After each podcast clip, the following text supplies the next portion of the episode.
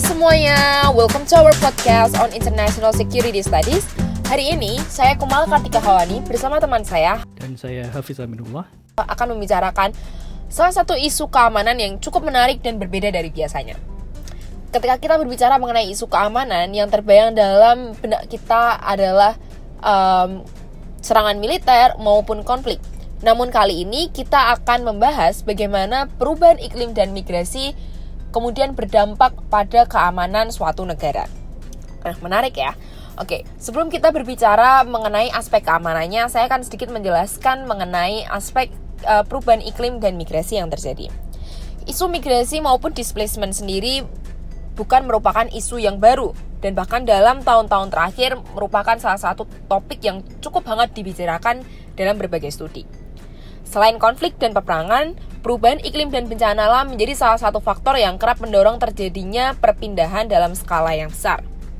Setidaknya selama satu dekade terakhir, ada 200 juta orang di seluruh dunia terpaksa melakukan migrasi atau perpindahan karena bencana alam dan perubahan iklim.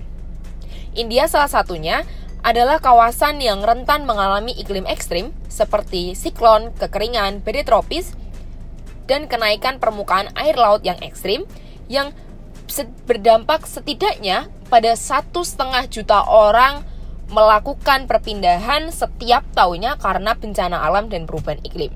Di tahun 2018, setidaknya ada 1.400 kematian akibat 23 cuaca ekstrim, dan di tahun 2019 ada lebih dari 2.000 orang meninggal akibat perubahan iklim di India. Laporan dari IPCC menunjukkan bahwa perubahan iklim berpotensi mengancam keamanan negara. Hmm, menarik ya. Kenapa bisa begitu? Nah, untuk menjawab pertanyaan tersebut, kami akan menggunakan kacamata human security untuk melihat bagaimana perubahan iklim dan migrasi dapat mengancam keamanan suatu negara. Nah, kenapa bisa begitu? Untuk menjawab pertanyaan tersebut, di sini kami akan menggunakan kacamata human security untuk melihat bagaimana perubahan iklim dan migrasi kemudian berdampak pada aspek keamanan. Nah, dalam Berbeda dengan pendekatan tradisional dalam studi keamanan yang menempatkan negara sebagai referen objek atau aktor utama, human security menekankan manusia atau individu sebagai referen objek. Artinya, keamanan warga negara menjadi penting karena keamanan negara tidak lepas dari keamanan warga negaranya. Human security menekankan nilai-nilai moralitas dan humanis untuk menjelaskan mengenai isu-isu keamanan, khususnya isu-isu keamanan yang baru atau non-tradisional seperti adanya climate change dan migrasi. Sehingga pemahaman mengenai keamanan sendiri atau apa yang disebut sebagai rasa aman menjadi sangat pas dan multidisipliner. Sini aman bisa berarti aman dari kelaparan, dari kemiskinan, dan lain sebagainya bencana alam akibat perubahan iklim telah menciptakan konsekuensi yang kompleks dan multidimensional. Di India yang merupakan negara yang didominasi oleh kawasan rural atau pedesaan, perubahan iklim berdampak besar dengan merusak mata pencaharian, mengurangi keamanan dasar manusia, dan meningkatkan ketegangan akibat sumber daya alam yang semakin menipis. Ketegangan ini dapat menyebabkan kejahatan dan kekerasan, meningkatkan ketidakstabilan sosial. Situasi ekonomi dan sosial yang buruk juga mendorong orang-orang untuk bermigrasi dari daerah-daerah ini ke kota-kota kecil untuk mencari kehidupan yang lebih baik. Beberapa kota di India telah menyaksikan adanya migrasi massal dari kawasan desa ke kawasan urban. Sementara itu, infrastruktur di kawasan tujuan dan urban sendiri tidak cukup memadai untuk mengakomodasi penduduk lokal maupun yang bermigrasi ke kota. Lebih lanjut, hal ini juga menyebabkan munculnya efek negatif pada situasi ekonomi dan sosial di negara tujuan yang dapat menciptakan ketegangan, kejahatan, dan kekerasan serta resiko gangguan sosial yang serius yang mengarah pada skenario terburuk yakni kekerasan. Adanya pemanasan global juga memberikan efek yang lebih berat pada kelompok-kelompok yang rentan seperti masyarakat miskin yang setidaknya mengisi seperempat hingga separuh populasi kota di India.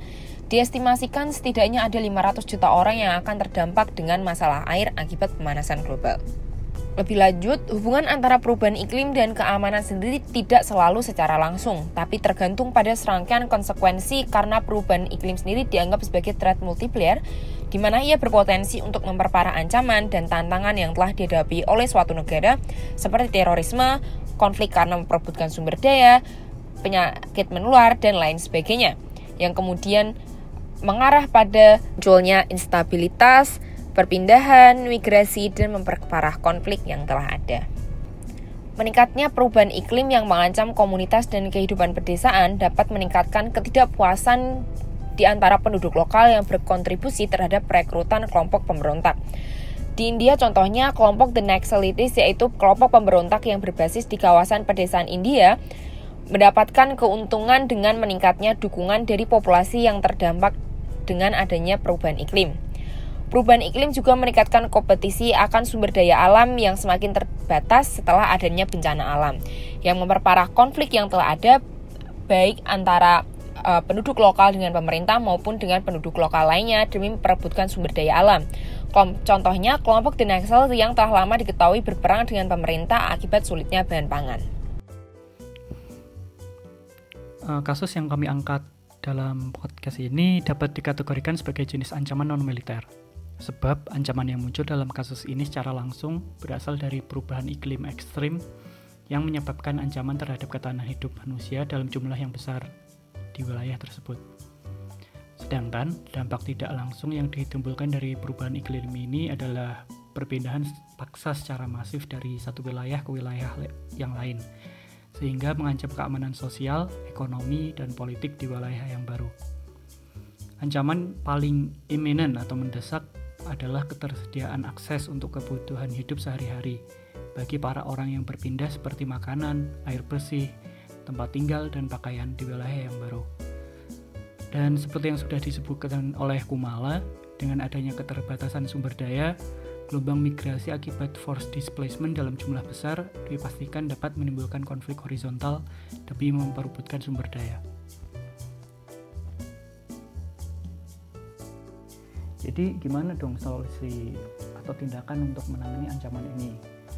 Nah, e, di antara solusi untuk mengatasi ancaman yang paling mendesak dalam kasus displacement ini sekaligus secara bertahap membangun proses adaptasi terhadap bencana yang resilient adalah dengan program Resilient City seperti yang sudah e, seperti yang sedang dilakukan di Bangladesh Nah, dalam program ini, beberapa kota yang jauh dari kawasan pantai didesain sebagai kota yang climate resilient, migrant friendly, dengan beberapa prakarsa yang bertujuan untuk menyiapkan penduduk kota tersebut agar dapat membantu para migran berintegrasi kembali di lingkungan baru mereka.